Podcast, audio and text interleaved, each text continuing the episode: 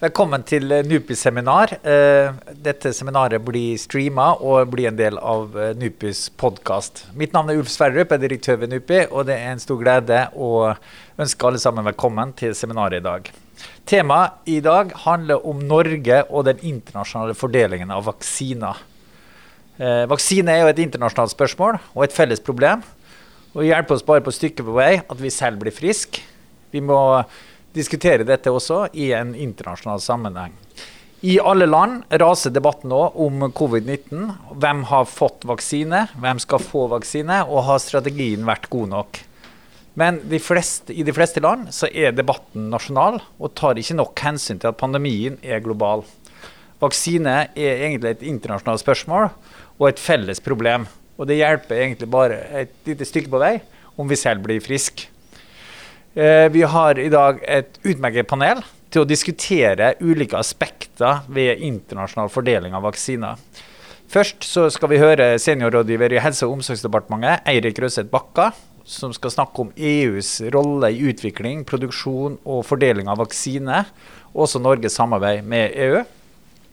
Deretter skal vi høre seniorforsker Arne Melkjord, min kollega, som har gjort en studie for koronakommisjonen og vil innlede om handelspolitiske og økonomiske aspekter ved den globale fordelingen av vaksiner mot covid-19. Og til slutt så er vi så heldige å få med oss Jon Arne Røttingen, som er ambassadør for helsespørsmål i Utenriksdepartementet. Tidligere eh, samarbeidspartner og sjef i, eh, i, direktør i Forskningsrådet. Man skal snakke om internasjonale spørsmål, også det samarbeidet som Norge har vært en viktig bidragsyter i, i COVAX. Så med det tenker jeg vi starter, og vi skal kjøre dette seminaret i ca. en times tid. Uh, og, og, det blir også anledning til å sende inn spørsmål i chatten, så bare begynn med det med en gang. Så uh, velkommen til alle sammen. Uh, Eirik, vær så god. Ordet er ditt. Takk. Du, da jeg sjekka Sysvak i går, så hadde vi satt over 1,3 millioner, eller 1, over 1,3 millioner mennesker i Norge hadde fått minst en dose. Og basert på siste versjon av vaksinasjonskalenderen til FHI, så altså, ser det ut til at alle vil kunne få sin første dose i løpet av, i løpet av juli. Nesten uavhengig om vi bruker kun mRNA-vaksiner, eller om vi også da bruker disse adenovirusvektorvaksinene. Um, altså, og, det, og, det, føles jo lenge, altså hvis du ser på hvor, hvor lenge vi har levd under disse forholdene under pandemien, men i et historisk perspektiv så er det ekstremt, ekstremt raskt. Og vi har allerede altså vi har effektdata som langt overgår de minimumskriteriene som ble satt av, av Verdens helseorganisasjon da pandemien starta opp, i det, det, de kaller target product profiles, altså eh, kriterier for hvordan de ønsker at en vaksine skal se ut, eh, med effekt, eh, effektdata godt over 95% I tillegg så har vi gode altså effectiveness-data, altså data fra eh, faktisk, eh, faktisk, bruk når vi bruker dem i vaksinasjonsprogram. Vi ser effekt på individnivå, og vi ser gode effekter også på gruppenivå. Så med noen forbehold så har vi sett da effekt av alle vaksiner på alle, alle plattformer. Eh, mRNA-vaksiner, virusvektorvaksiner, proteinbaserte vaksiner og inaktiverte virus. Vi tar det for gitt nå, men det var, det var på ingen måte gitt for, for et år siden. Eh, hvor det ikke var mulig å forutsi altså sannsynligheten for å lykkes med disse vaksineutviklingsprogrammene. Um, så finnes det jo en del tidligere erfaringer med vaksineutvikling. Basert på historiske data så kan man kanskje anslå at, at sannsynligheten for å lykkes med en vaksineutvikling ligger på rundt 20% Men det kommer jo helt an på hva slags sykdom det er snakk om, og hvor mye ressurser som settes inn. Så, så, her var det et, et, veldig stort marked med veldig store ressurser som ble dytta inn i vaksineutvikling. Og det var også investeringer fra tidligere, både i plattform og teknologi, men også i, altså i enkelte andre koronavirusvaksiner. Eh, det var noen data fra dyrestudier, og, har, og, og det var også altså, tegn på immundata fra overlevende om at uh, det faktisk var mulig å, å skape en beskyttelse. På den andre siden så fantes det ingen koronavirusvaksiner på markedet, altså mot noen av de andre eh, koronavirussykdommene vi har. Eh, I tillegg så var det en bekymring knytta til erfaringene fra SARS-viruset, hvor, eh, hvor, det var noen tegn på at altså, vaksinene faktisk kunne gjøre vondt verre. Eh, så det var, én stor usikkerhet, altså sannsynligheten for å lykkes. Og så var det en annen nummer to, og det var jo da produksjonskapasiteten. Den samla produksjonskapasiteten for vaksiner.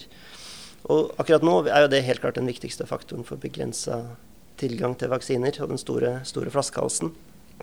Og det er også veldig vanskelig å få oversikt over altså, vaksineproduksjonen. Det finnes noen estimater på den samla produksjonskapasiteten, men det er veldig lite transparens. Eh, det er en kombinasjon av egenproduksjon i en del av de store selskapene, men også en stor skog av oppdragsprodusenter. Eh, gjerne, altså, og, og, produksjonsfasiliteter som gjerne da er spesialisert til én type, type, teknologi eller ett ledd i produksjonslinja. Eh, hvor du da har f.eks. fyllelinjer som er helt atskilt fra det som kalles for batchproduksjon. Altså en, en litt mer tidligere, tidligere, trinn i produksjonen. I tillegg så har du veldig lang ledetid, hvor veldig mye av produksjonskapasiteten er bundet opp i produksjon for vaksiner som skal komme på markedet lang tid, lang tid framover. Så det er et, en, en, produksjonslinje med altså tradisjonelt veldig lite fleksibilitet. Eh, og det er komplekse eh, forsyningskjeder. Vi har hatt selskaper som forteller altså, at de har er avhengig av 280 ulike varelinjer fra 60 eh, ulike fabrikker i 19 land. Så det er et, et, veldig globalt, intrikat uh, system av, uh, av, produksjon og forsyninger. Uh, og hvis du da mangler én innsatsfaktor, så stopper produksjonen opp. Altså vi har noen, noen eksempler på, på begrensa tilgang på Hetteglass f.eks. Det er en av grunnene til at mange av disse vaksinene nå kommer i, i, i hetteglass med veldig mange doser, eh, som også gjør logistikken litt vanskeligere. Eh, det har vært en betydelig mangel på det som kalles for bioreaktorposer, som, som brukes eh, i, i batchproduksjon. Og det har vært mangel på filtre. Eh, og så kan vi jo komme litt tilbake igjen til altså noen av årsakene til disse manglene. Det er jo en kombinasjon av ekstrem etterspørsel, men også sannsynligvis eh, eksportrestriksjoner. Um, og det er globale forsyningslinjer, og så er det noen sentrale markeder for, for produksjon. Altså du har Kina produserer kinesiske vaksiner. Russland produserer de russiske. Og de eh, vaksinene som har europeisk markedsføringstillatelse, produseres en viss andel i India, men i all hovedsak i USA og i Europa. Og i Europa da i hovedsak EU, men også noe i Storbritannia og noe i Sveits. Og Norge, for å få tilgang, så er vi avhengig av vaksiner som er produsert i minst ett av disse markedene. Uh, så, så, i dette tilfellet så vil det jo da i hovedsak være snakk om enten India, USA eller, uh, eller EU. Um, og vi ser jo eksportrestriksjoner fra India, vi ser eksportrestriksjoner fra USA. Så i praksis så er det jo egentlig altså, er Norge avhengig av europeiskproduserte vaksiner. Um, og noe av arbeidet rundt smittevernutstyr også lærte oss noe om, om sårbarheten til Norge i et, et globalt marked. Hvor også europeiske eksportrestriksjoner påvirka norsk tilgang. Så det var jo da åpenbart at Norge ville være avhengig av europeiskproduserte vaksiner. Um, og det var også åpenbart at det var behov for en stor samla investering både i vaksineutviklinga, men også i produksjonen. Og det var et stort behov for risikokapital. Uh, noen sånne initiativer eksisterte jo allerede. Jon Arne var jo med og grunnla CEPI. Uh, som da hadde allerede investert i noen av altså, teknologiene, Eh, CureVac f.eks., som nå er på vei mot en europeisk markedsføringstillatelse. Eh, Oxford-vaksinen eh, sin, sin MERS-kandidat, som er veldig lik den SARS-2-vaksinen som, som, nå er på markedet fra AstraZeneca. De hadde også en portefølje av ulike kandidater, og var med å lansere Covax, som, som vi sikkert kommer inn på igjen seinere. seinere likevel avhengig av penger fra de rike landene for eh, oppskalering, produksjon og utvikling. Og så avhengig av produksjon fra akkurat de samme markedene, altså USA, India, Europa. Eh, så, så, så, også da avhengig av at disse markedene var villige til å prioritere en, en, en global eh, fordeling heller enn regional eller nasjonal fordeling.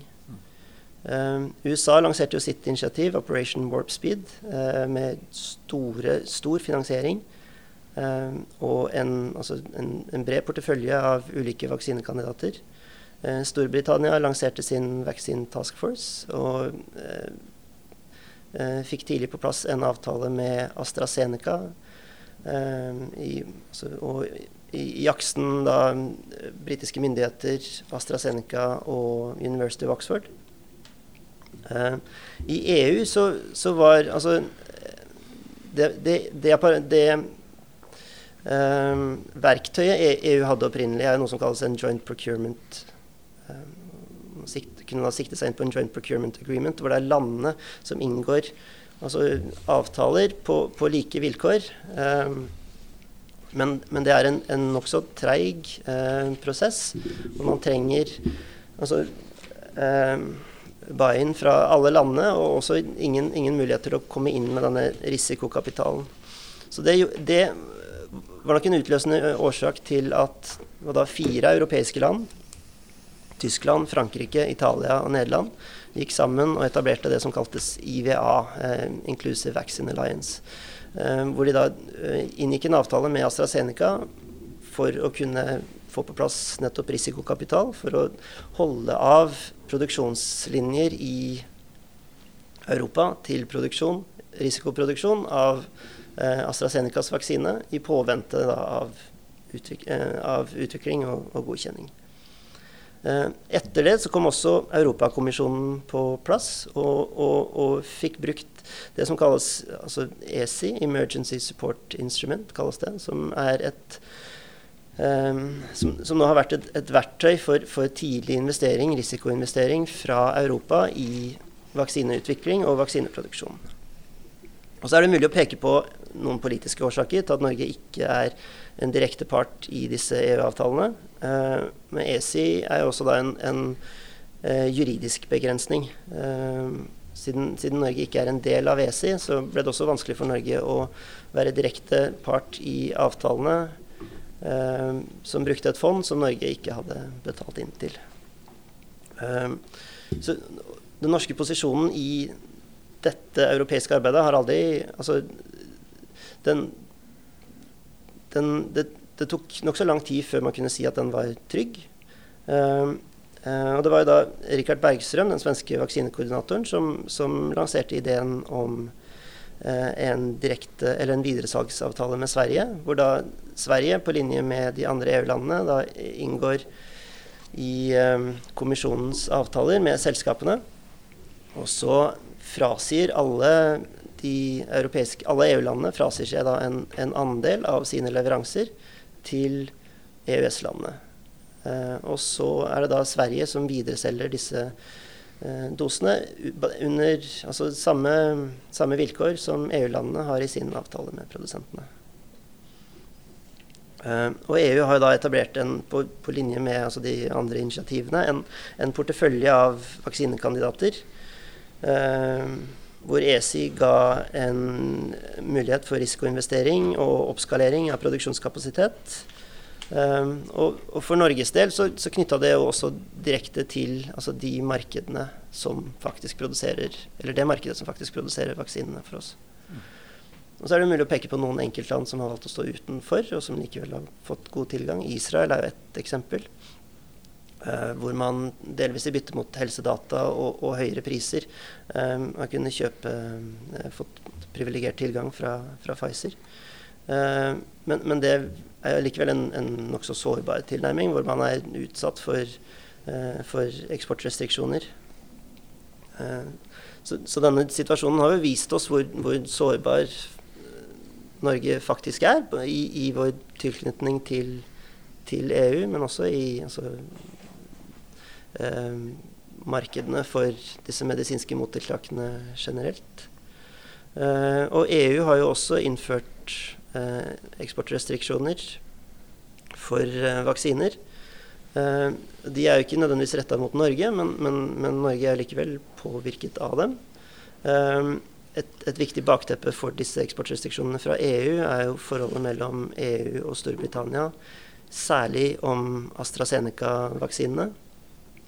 Eh, hvor, hvor, Storbritannia i, i, sine avtaler har, har eh, lykkes å fremforhandle altså, privilegert tilgang, eh, slik at Storbritannia er et privilegert marked for vaksiner produsert for AstraZeneca, enten de er produsert i Storbritannia eller Belgia eller hvor det måtte være. Og Det gjør at de også har hatt problemer eh, når de da har, har, hatt store vanskeligheter med å skalere opp sin europeiske produksjonsfasilitet, da ikke har klart å etterleve disse forpliktelsene de har til, til EU, fordi Storbritannia rett og slett har en, sannsynligvis en, en, bedre, en bedre avtale. Og Det er jo noe EU nå eh, kommuniserer ganske tydelig om. altså Kommisjonen i det de lanserer nye avtaler. Eh, F.eks. i denne eh, pressemeldingen de hadde om uh, den kommende Pfizer-avtalen, altså for, for leveranser for 2022 og 2023, så ligger det inne kriterier om, uh, om at, at, hele forsyningslinjen, hele produksjonen, skal ligge i EU. Um, og det så det viser på en måte at EU sikrer sitt eget, sitt eget marked og sin, og sin egen, sin egen uh, produksjon. Uh, det kan være interessant å se på altså, hvordan uh, Sveits f.eks. stiller seg i dette. Altså det, det, som har vært Sveits sin strategi, det er jo også avhengig av eh, europeisk og også, annen produksjon, men de har en viss grad egenproduksjon av vaksiner.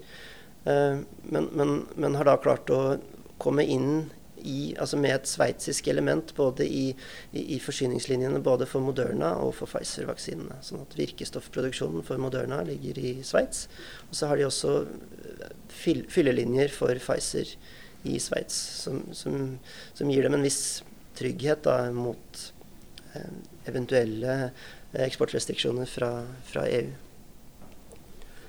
Um, og det, det, gir jo et slags frampek i hvordan altså de fremtidige avtalene også uh, vil se ut, når, når, EU nå da prøver å sikre avtaler mot altså Både for behov mot, for eventuelle boosterdoser i, i framtida, men også for å ha en beredskap mot uh, nye virusvarianter som eventuelt skulle komme.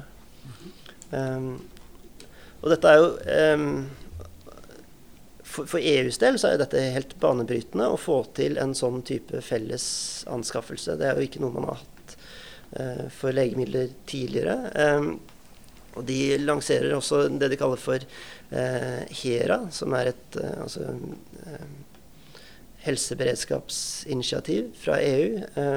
Som til en viss grad er inspirert av amerikanske Barda, som skal drive med produktutvikling og, og og sikre europeisk produksjon av, av viktige medisinske mottiltak.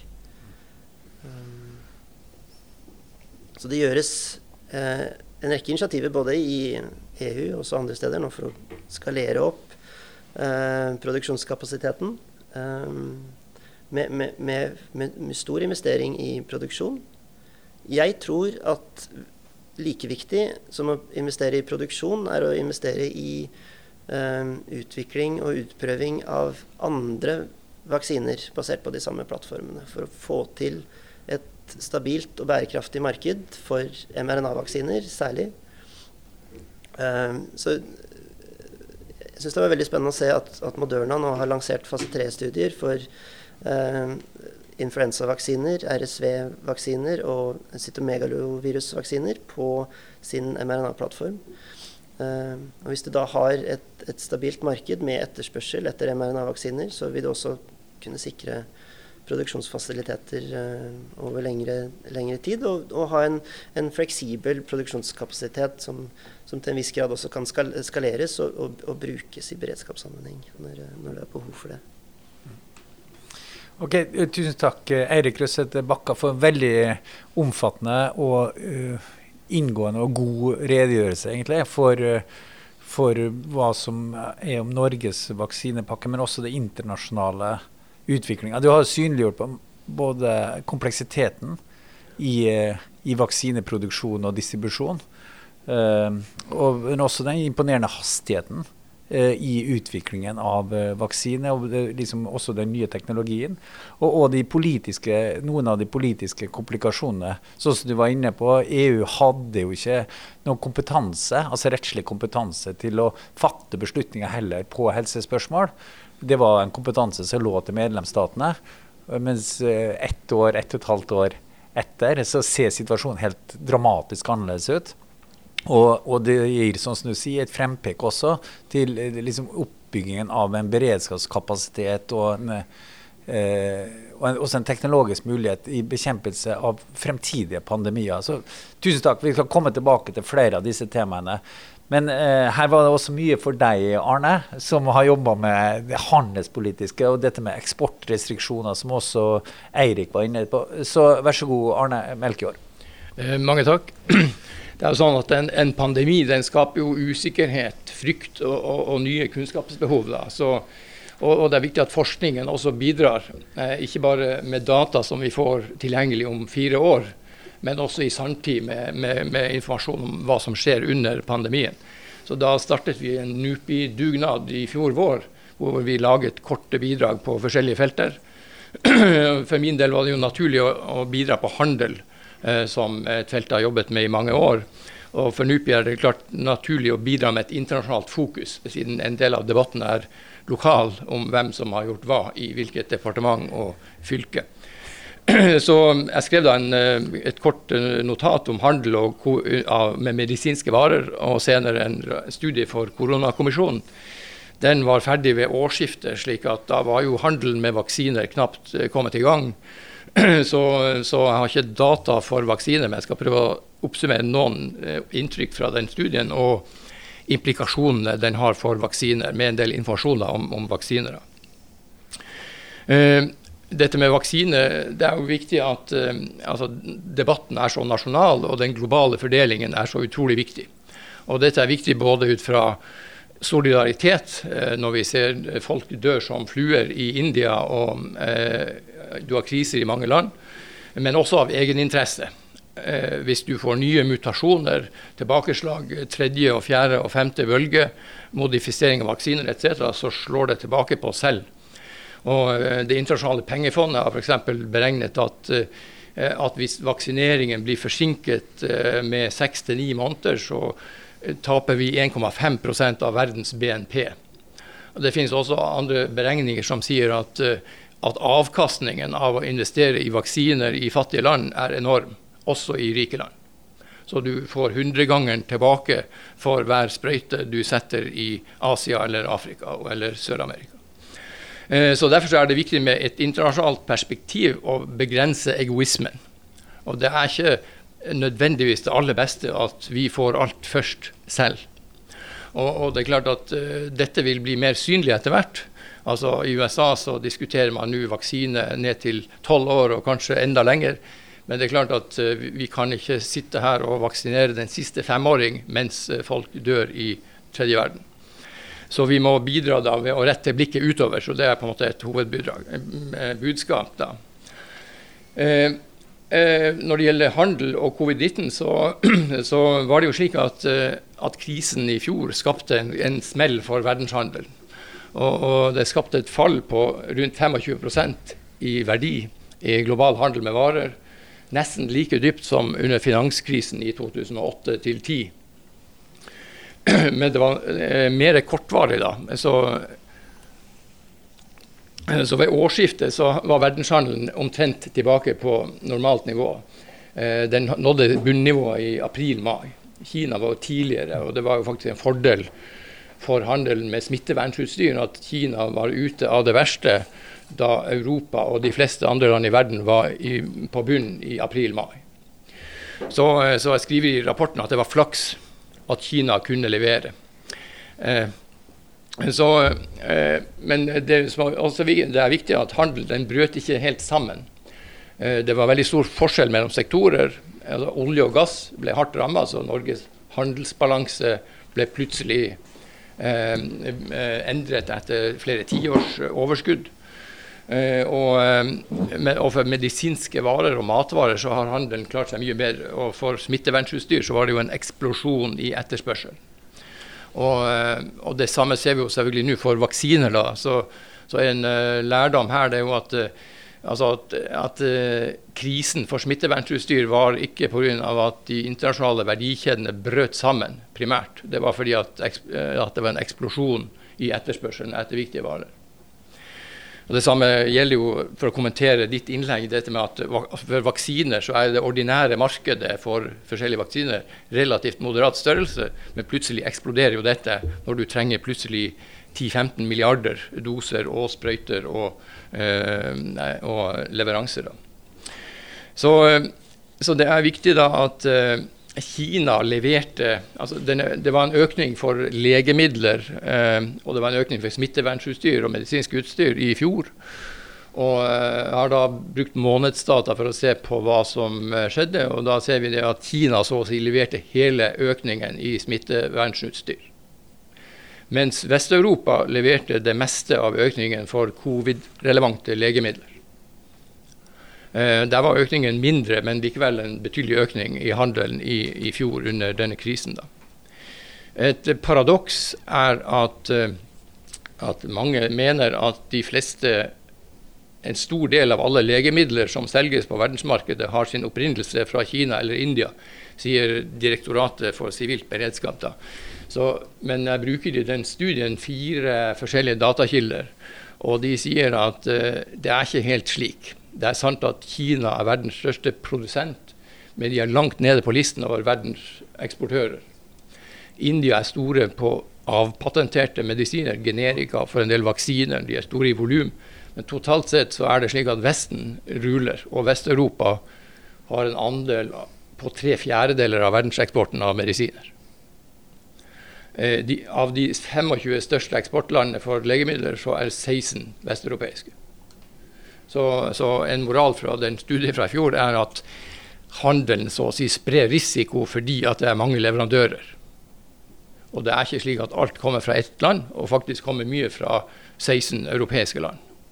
Dessverre er ikke Norge blant de 10-12 landene som lager vaksiner i Europa. Og vi har en begrensa legemiddelproduksjon, men, noe, men, men, mye kommer fra Europa. Det er på en måte et argument for at samarbeidet med Europa er en viktig del av Norges beredskap at det er mange leverandører i vårt eh, integrasjonsområde. Så, eh, så er det slik at f.eks. USA er også viktig. Det finnes andre land i Asia, Singapore etc. som er viktige. Og hvis vi ser på, eh, på, på vaksineutviklingen, så er det jo også et bevis på at, at, at handelen så å si sprer risikoen ved at det er mange leverandører. Og og mange eh, vaksiner på gang. En studie i Lancet sier f.eks. at i februar var det 289 vaksiner under utvikling. 66 i kliniske forsøk, 20 i fase 3. På det tidspunkt fem godkjent av WHO, anerkjente eh, eh, reguleringsorganer. Altså det er mange på gang.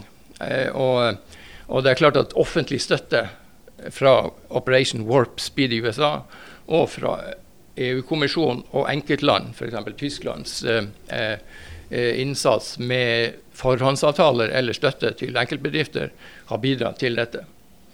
Så dette er en lang historie med omfattende internasjonale verdikjeder. Veldig stor lisensproduksjon. AstraZeneca f.eks. har 25 produsenter i 15 forskjellige land. Eh, en god del i mange europeiske land, men også i, i andre land.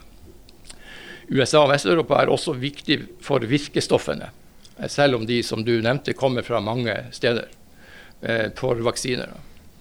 Ja, så, så, eh, så, oppsummeringen eh, på en måte når det gjelder vaksiner, det er jo det at det ser ut som et mirakel at man har fått fram så mange kandidater og en prognose om flere milliarder produsert under to år etter pandemien startet. Når man vet at det normale er at det tar mange år og eh, lang tid å utvikle dette.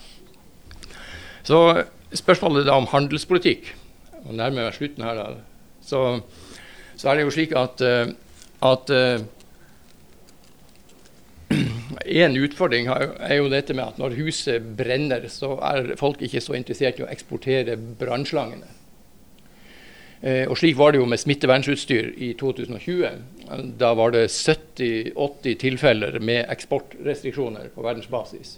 Altså hvor land forbød eller begrenset eksporten av smittevernutstyr. EU eh, e gjorde det på et tidspunkt også, men Norge ble unntatt pga. EØS. Men dette var jo et problem. Det er spesielt et problem for de som ikke har egenproduksjon. Eh, og det kan jo i verste fall føre til mottiltak, og at verdensmarkedene bryter sammen. Og det er påvist i empirisk forskning allerede at det førte til prisøkning for smittevernsutstyr. Spørsmålet er da eh, hvordan, eh, dette, hvordan, virker dette inn på, på, vaksiner? Og Du nevnte at eh, USA eh, har begrenset eksporten. Det er slik at På vaksiner så er det lite eksplisitte eksportrestriksjoner som står så å si i lav form. Hvor det, altså, hvor de, altså EU har eksportlisensiering eh, formelt, men de tillater eksport. Derimot så har eh, USA brukt eh, det såkalte Defense Production Act, eh, og de har brukt kommersielle kontrakter, eh, forhåndsbestillinger, for å sikre mye av leveransene til eget forbruk. Og Det samme har Storbritannia eh, gjort med, gjennom disse utviklingskontraktene. Og EU har selvfølgelig kjøpt opp også betydelige mengder med doser gjennom forhåndskontrakter. Så, mens India eh, de eh, innførte jo i praksis et eksportforbud fra mars 2021. Og India er en stor produsent. Største i volum for vaksiner på verdensbasis før epidemien. Og Dette blir sikkert viktig i Røttingens uh, omtale, fordi at India er tiltenkt en stor rolle for Covax. Uh, med, uh, så hva skjer med disse leveransene? Et annet kontroversielt spørsmål er dette med teknologioverføring. fordi det er de rike landene som er toneangivende. Selv om også Kina og Russland og flere har bidratt, så, så er det et, et skrik om at du må få teknologioverføring fra eh, de mest avanserte landene. India og Sør-Afrika har da foreslått en såkalt waiver, eller et unntak, som gjør at de reglene som normalt gjelder for patentbeskyttelse, kan settes til side under pandemien. Og dette er en lang uh, diskusjon som pågår. Dagfinn Sørli fra det norske utenriksdepartementet leder da denne komiteen i eller det rådet i WTO som diskuterer dette, man prøver å finne et kompromiss. Eh, det som er tilfellet når det gjelder vaksiner, det er jo at, eh, at, det er ikke nok å få resepten.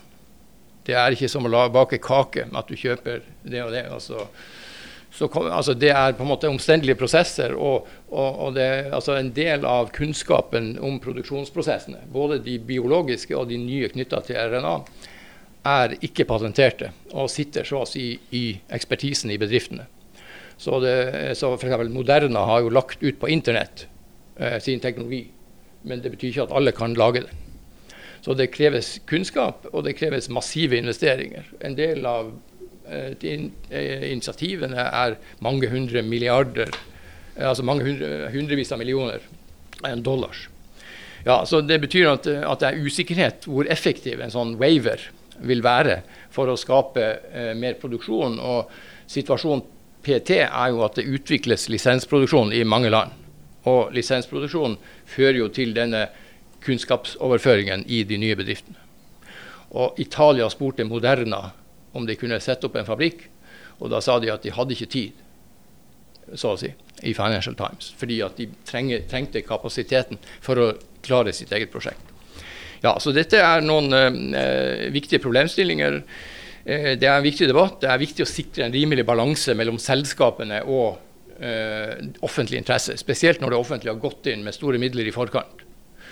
Og for så kunne man tenke seg et investeringsfond som har regler, istedenfor at man skal sitte i eh, i, i eh, krisen og forhandle om disse klausulene. Altså EU har f.eks. hatt klausuler om global fordeling av vaksiner og om eh, lave priser, eller kostpriser. da. Dette har slått inn f.eks. for AstraZeneca, som ifølge en artikkel koster 5 dollars, mens Moderna har kostet 31. Eh, så, men dette og kommisjonens kontrakter er ikke offentlig kjent, bortsett fra én. Eh, eh, avtalen med CureVac er, offentlig. Og det, er flere, ok.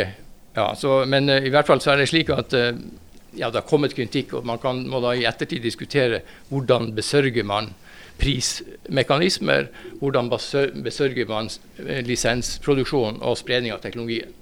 Så jeg tror det finnes kanskje andre metoder som må diskuteres i tillegg til et blanko-unntak fra WTO. Så kan det bli nye eh, eh, eh diskusjoner om handel og, eh, handel og helse. Eh, og da vil jo alle disse temaene om eksportrestriksjoner, der Norge og en del land ønsker å begrense bruken, selv om det er lov i WTO, og om teknologioverføring, og eventuelt om regulering er også viktig, da, fordi at det har jo pandemien også vist hvor viktig det er med reguleringssystemene for nye vaksiner og medisin. Takk. Tusen takk, Arne Melkjord. Uh, hovedargumentet slik jeg forstår det, er jo da at internasjonalt samarbeid har vært avgjørende for å drive frem utviklingen av vaksinene. Og internasjonalt samarbeid er helt avgjørende for å sikre beredskap og distribusjon av utstyr og vaksiner. Du var inne på EU i noe grad, og så var du inne på noen av de hindrene i det internasjonale samarbeidet eksportrestriksjonene. Og eh, den eh, WTO-prosessen du snakker om, uh, som er det forslaget fra India og Sør-Afrika som er støtta av 60 land, uh, de møtes jo i dag i, i Genéve. Uh, og i dag og i morgen på disse forhandlingene om oppheving, midlertidig suspensjon av patentrettigheter etc. Så det er jo en veldig spennende prosess. Nå skal vi over til eh, siste innlegg, og det er Jon Arne Røttigen. Eh, og da eh, skal vi snakke litt mer om det internasjonale eh, samarbeidet og det solidariteten som du også var litt inne på, Arne. Slik jeg forstår det, Jon Arne, så er ca. mellom 800 og 1 milliard vaksiner som er produsert allerede i dag. Og mindre enn 1% tror jeg, har gått til lavinntektsland. Og internasjonalt så snakker flere om en slags vaksine-apartheid, medisinsk apartheid, som også er en kime i og for seg til ja, ulikhet, sosial spenning og mistillit, vil jeg si, mellom de rike land og de fattige land. I tillegg så hadde du disse økonomiske aspektene, helsemessige aspektene, av at vi egentlig ingen er trygg før alle er trygge her. Så øh, Jon Arne, vær så god. Øh, kan ikke du si litt om Covax og hvordan dere ser nå i UD også på, på det internasjonale solidariteten rundt vaksinesamarbeidet? Mm. Takk for det, Ulf. Jeg tenker vi, uh, jeg vil se på dette fra ikke bare et fugleperspektiv, men kanskje fra et satellittperspektiv. Liksom at vi ser på hele verden samlet. Veldig fine innledninger fra både Eirik og Arne i forhold til både et nasjonalt perspektiv og et handelsperspektiv på det. Men hvis vi ser da på hele verden sant, og vi går tilbake i tid, altså i praksis eh, tidlig 2020, eh, hva er det vi da trengte å gjøre? Eh, altså For det første så måtte vi bidra til at det hele tatt var et tilbud i markedet. Altså Vi måtte bidra til at det faktisk kom vaksiner. Og, Der har jo Norge vært tidlig ute. For det første ved å bidra sentralt i etableringen av CEPI, slik at vi hadde en institusjon, en organisasjon internasjonalt som kunne ta en rolle. Dernest så investerte Norge uh, av de kanskje landene aller tidligst med ekstra midler inn i Seppi, to milliarder kroner veldig tidlig. Og Seppi var den første organisasjonen som investerte i og målrettet sette i gang støtte til eh, covid-19-vaksineproduksjon. Og så har vi hørt suksessene. for dette er jo et mirakel, det er jo en suksesshistorie, det vi har sett etterpå. Så bidra til et tilbud. Og så er det slik at det holder ikke. Eh, vi må også bidra til en etterspørsel. Og da er det ikke sånn at vi skal, eh, For vi må skille mellom etterspørsel og behov. Det er liksom det store dilemmaet på ikke minst innenfor helse. Både i og for seg et nasjonalt perspektiv, men også internasjonalt perspektiv. Det er at Etterspørselen det handler om penger. Eh, behovet det handler om medisinsk og folkehelsebehov. Eh, ja, vi visste det er store behov selvfølgelig i hele verden. Eh, og ikke minst i en pandemi så er det helt sentralt å sikre at vi kan nå de behovene. Men det er ikke kjøpekraft. Ikke sant? det var ikke penger på bordet i de fattigste landene for å kunne inngå tidligere kontrakter. Så da måtte vi etablere en felles innkjøpsmekanisme eh, som kunne på agere på vegne av de fattigste landene, men også være en fellesmekanisme for mellominntektsland og eventuelt noen høyinntektsland som så at det var en fordel å gå sammen, både for å få bedre avtaler og kunne dele på risiko. For på det tidspunktet som vi hørte, så ville man tro at kanskje bare én av fem vaksiner ville komme eh, i mål. Og Da trenger man å dele risikoen på tvers av en portefølje. Så Derfor etablerte man Covax-samarbeidet, som jo er en samarbeid mellom CEPI, eh, den globale vaksinealliansen Gavi, men også Verdens helseorganisasjon og Unicef, som særlig kanskje har den operative ansvaret for å kjøpe vaksinene og i praksis levere dem i land. Eh, og Dette har jo eh, fungert i utgangspunktet ganske bra. Man har fått en suksess på vaksineutviklingen. Uh, man har greid å etablere produksjon det har vi hørt om nå, i, på en distribuert måte. Uh, og man har fått i alle fall en noenlunde et innkjøpsmakt for å kjøpe inn to milliarder doser av vaksiner gjennom Covax. Vi har fortsatt nå vel en 1 milliard dollar igjen for å nå det betalingsbehovet. men vi, vi, er jo en utfordring, nettopp som du beskriver, Ulf, at vi har en situasjon hvor vi i Europa nå er uh, omtrent på 25 vaksinedekning uh, med iallfall første dose. Land som USA og Storbritannia nærmer seg omtrent rundt 50 uh, eh, Og så er det slik at Afrika så er det godt under 1% foreløpig. Og hvis vi ser lavinntektslandene samlet, så er det helt riktig, Ulf, som du sier, at vi er på under 1 uh, Og det er rett og slett fordi det tok for lang tid å etablere denne etterspørselsmakten for Covax. Uh, selv om vi startet tidlig i planleggingen, så var det ikke institusjonelle mekanismene på plass. Og Covax kunne ikke ta noe risiko før de har penger på bok. Så man måtte rett og slett overføre penger inn i bankkontoen til Gavi før man kunne kjøpe. Og da kom innkjøpsmakten på vegne av verden på mange måter da, litt sent til bordet. Det andre utfordringen er at Gavi og utgangspunktet ikke kunne inngå risikobaserte innkjøpsavtaler slik de store landene kunne gjøre. Fordi man måtte i praksis er bundet av å kjøpe ferdige og godkjente produkter. Uh, så det, rett og slett den muligheten for å inngå uh, risikobaserte avtaler, den fantes ikke egentlig i en felles internasjonal mekanisme. Uh, det må vi etablere i framtid. på én side så er det veldig positivt at de rikeste landene Eh, inkludert Europa, Storbritannia og USA, for å nevne noen, gjorde det tidlig. For det skapte tilstrekkelig kraft og fart i, i å skalere opp produksjon og skalere opp selvfølgelig utviklingshastigheten. Eh, men hva er status nå, da gitt denne utfordringsbildet? Jo, vi må fortsette å mobilisere ressurser. Eh, og det er ikke bare vaksiner vi trenger. Det er bare en kort bisetning om det. Det er jo slik Når vi ser rapportene fra India, som selv har nådd en ca. 10% vaksinedekning, så ser vi jo veldig tydelig at vaksiner er ikke nok. Uh, ikke Man må i utgangspunktet nå fortsatt jobbe med klassiske smitteverntiltak. Avstand, isolering, uh, karantenering. Og skal man gjøre det, så må man ikke jobbe i blinde. Man må kunne diagnostisere, man kunne behandle. Nå er det underskudd både på uh, tester og det er underskudd på Uh, helt basal behandling som oksygen sant, i indiske sykehus. Så Det er også en del av det store samarbeidet som da Norge leder sammen med Sør-Afrika, uh, ACT-akseleratoren, hvor Covax inngår som vaksinepilaren. Vi har igjen 19 milliarder dollar for å fullfinansiere det programmet uh, i 2021. vi har mobilisert 14 milliarder, så vi har ikke kommet helt halvveis, men vi jobber nå veldig systematisk mot G20-landene mot G7. og eh, Erna Solberg, vår statsminister og president i Sør-Afrika, Ramaphosa, har sendt brev nå til 89 land med et helt konkret dollarforespørsel, eh, slik at vi bidrar i henhold til en rettferdig byrdefordeling.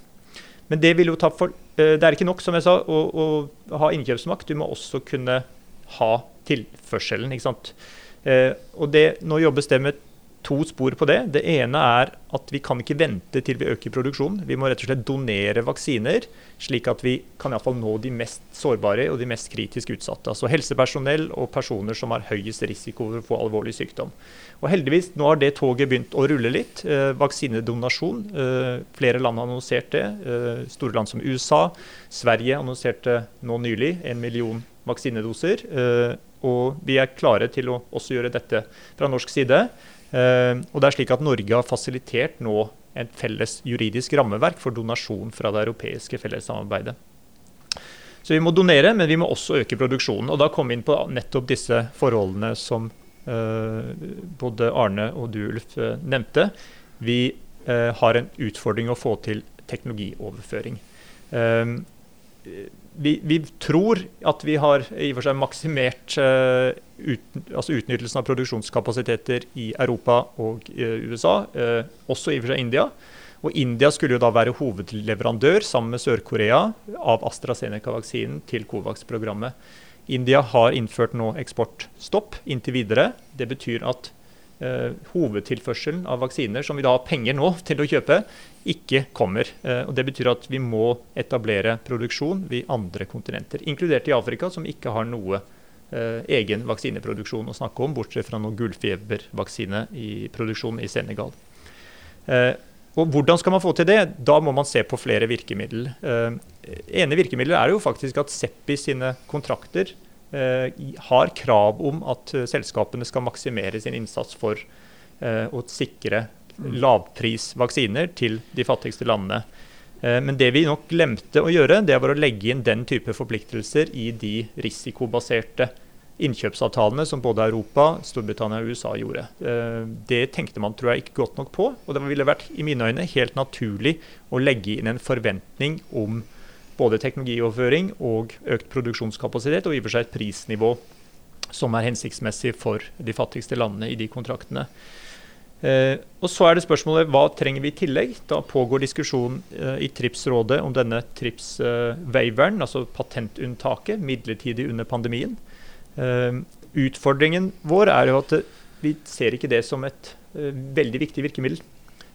og at vi, det ikke vil være tilstrekkelig på noen som helst måte. Det vi faktisk må få til, det er veldig konkret. Det er å bygge infrastruktur. Mm. Det er å sikre at det er kompetanse og kunnskap i de organisasjonene som skal produsere. Og det er da å i og for seg sette påtrykk på de firmaene som har godkjente vaksiner, for at de driver aktiv teknologioverføring. Så det er egentlig et statusbilde akkurat nå. Eh, jeg er helt enig med deg, Ulf, at vi vil stå i en ganske krevende internasjonal politisk kontekst nå i minst et år framover, kanskje halvannet. For vi tror vel ikke at vi kan greie å få tilstrekkelig vaksinedekning i de fattigste landene før innen utgangen av 2022. Mm. Ja, nei, tusen takk, Jon Arne. Dette er veldig nyttig. fordi her i, Europa så tenker man jo at man begynner å nærme seg slutten på pandemien. Men det er jo sånn som du sier, at eh, når noen deler kommer til å åpne opp og mobiliteten øker, økonomien kommer tilbake, så kommer andre land til å ha masse restriksjoner og masse sykdom. Jeg kan bare også legge til at det er et viktig argument om at eh, selv om mange av vaksinene er distribuert i USA og Europa, så er også de landene som har hatt flest smitta i en periode. Mens eh, ja, selvsagt så har Brasil og Sør-Afrika og nå India Eh, betydelig smitte og sykdom. Eh, men slik jeg forsto det, da, Jon Arne, så er det sånn at Norge tar ikke da en posisjon der vi støtter dette oppropet til India og Sør-Afrika i WTO eh, med waiver, men foreslår en slags støtte, denne ideen som kanskje kan ligge der, om en slags tredje vei. Om at selskapene stimuleres til å drive frem en teknologioverføring og mer utbytta patent eller deling, produksjonsdeling etc. Eh, fordi at det, du tror at det vil gi en raskere effekt, egentlig.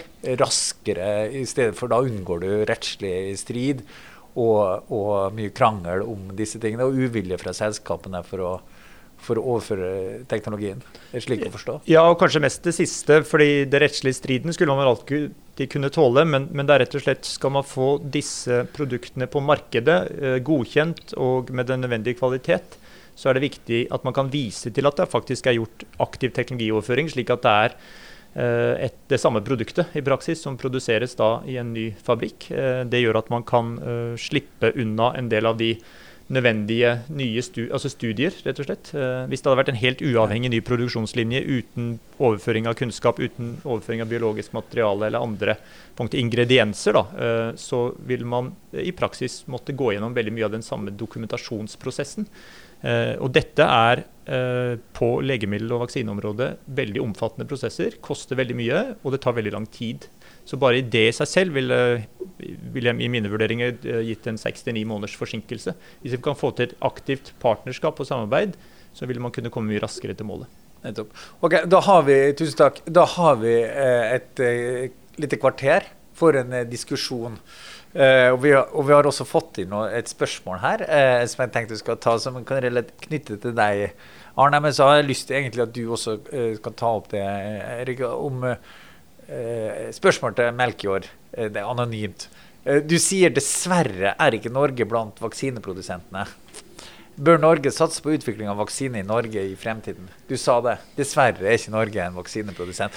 Eh, og da er spørsmålet burde Norge satse på det. Og det henger litt over på det vi hørte her på innledningene om Europa. Om Europa som tenker i sin type beredskap og nye, nye måter å skrive kontrakter på. Så hvordan ser vi konturene av det europeiske samarbeidet? Eh, og produksjonskapasitet, teknologiutvikling etc og kanskje Norges forbindelse til det.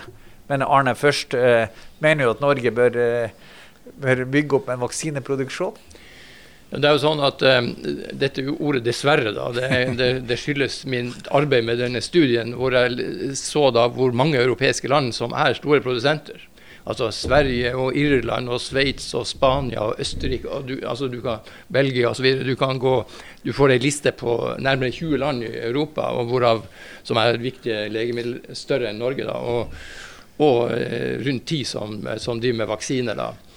Eh, så, så ja, så, Det er på en måte litt trist å se, for vi er jo et avansert teknologisk land og burde gjort det. Men, men eh, jeg tenker det at at, eh, at det å starte på scratch med å investere 10 milliarder i en stor fabrikk eh, altså for, Det er kanskje ikke det som er startpunktet, men eh, for det første tror jeg man må se på verdikjeden.